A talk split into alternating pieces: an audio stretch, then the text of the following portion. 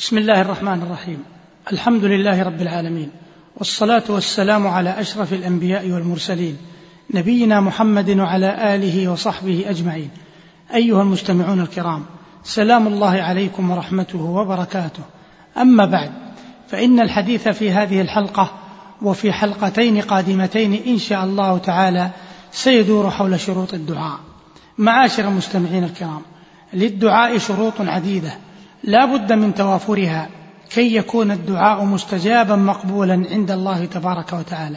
فمن تلك الشروط أن يكون الداعي عالما بأن الله وحده هو القادر على إجابة دعائه فلا يجلب له النفع إلا الله ولا يكشف عنه السوء إلا هو. قال تبارك وتعالى امن يجيب المضطر إذا دعاه ويكشف السوء. وهذا هو التوحيد العلمي الاعتقادي أعني به توحيد الربوبية. ومن شروط الدعاء ألا يدعو إلا الله عز وجل فلا يجوز له أن يسأل غير الله أو أن يدعو غيره معه لأن هذا شرك بالله عز وجل. قال تبارك وتعالى وأن المساجد لله فلا تدعوا مع الله أحدا.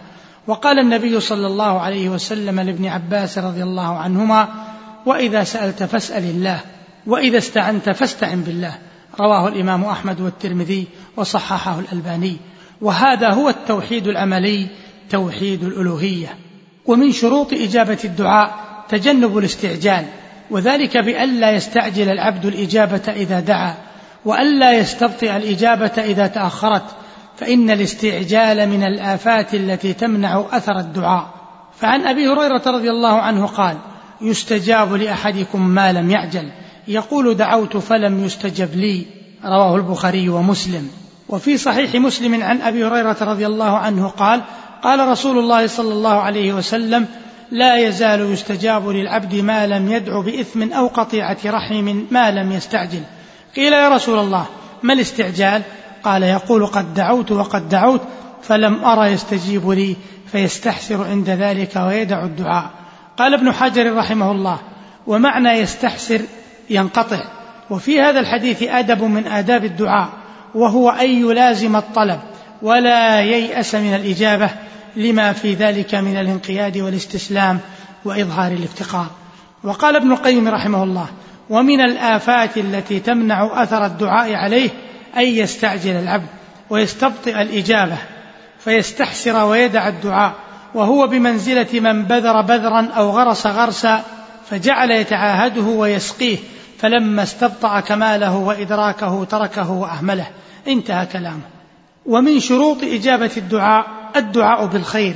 فحتى يكون الدعاء مقبولا عند الله فلا بد أن يكون في الخير بعيدا عن الإثم وقطيعة الرحم.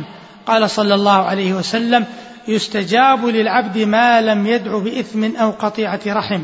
أخرجه مسلم. ومن شروط إجابة الدعاء حسن الظن بالله عز وجل. فعن أبي هريرة رضي الله عنه قال قال رسول الله صلى الله عليه وسلم ادعوا الله وأنتم موقنون بالإجابة. أخرجه الترمذي وحسنه الألباني في صحيح الجامع. وعن جابر رضي الله عنه قال سمعت رسول الله صلى الله عليه وسلم يقول قبل وفاته بثلاث لا يموتن أحدكم إلا وهو يحسن الظن بالله عز وجل. رواه مسلم.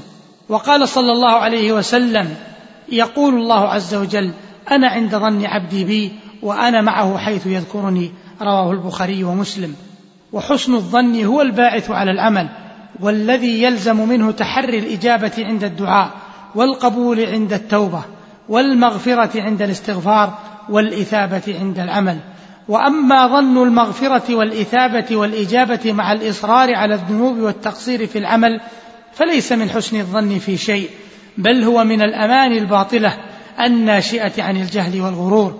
قال الشوكاني رحمه الله في قوله تعالى في الحديث القدسي أنا عند ظن عبدي بي.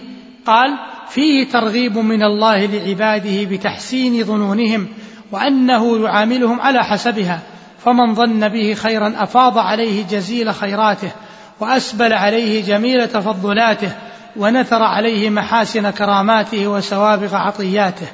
ومن لم يكن في ظنه هكذا لم يكن الله تعالى له هكذا.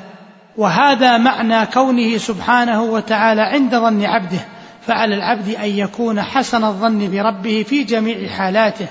ويستعين على تحصيل ذلك باستحضاره ما ورد من الأدلة الدالة على سعة رحمته سبحانه وتعالى. انتهى كلامه رحمه الله. وإلى هنا ينتهي وقت هذه الحلقة. وللحديث صلة في الحلقة القادمة إن شاء الله. والسلام عليكم ورحمة الله وبركاته.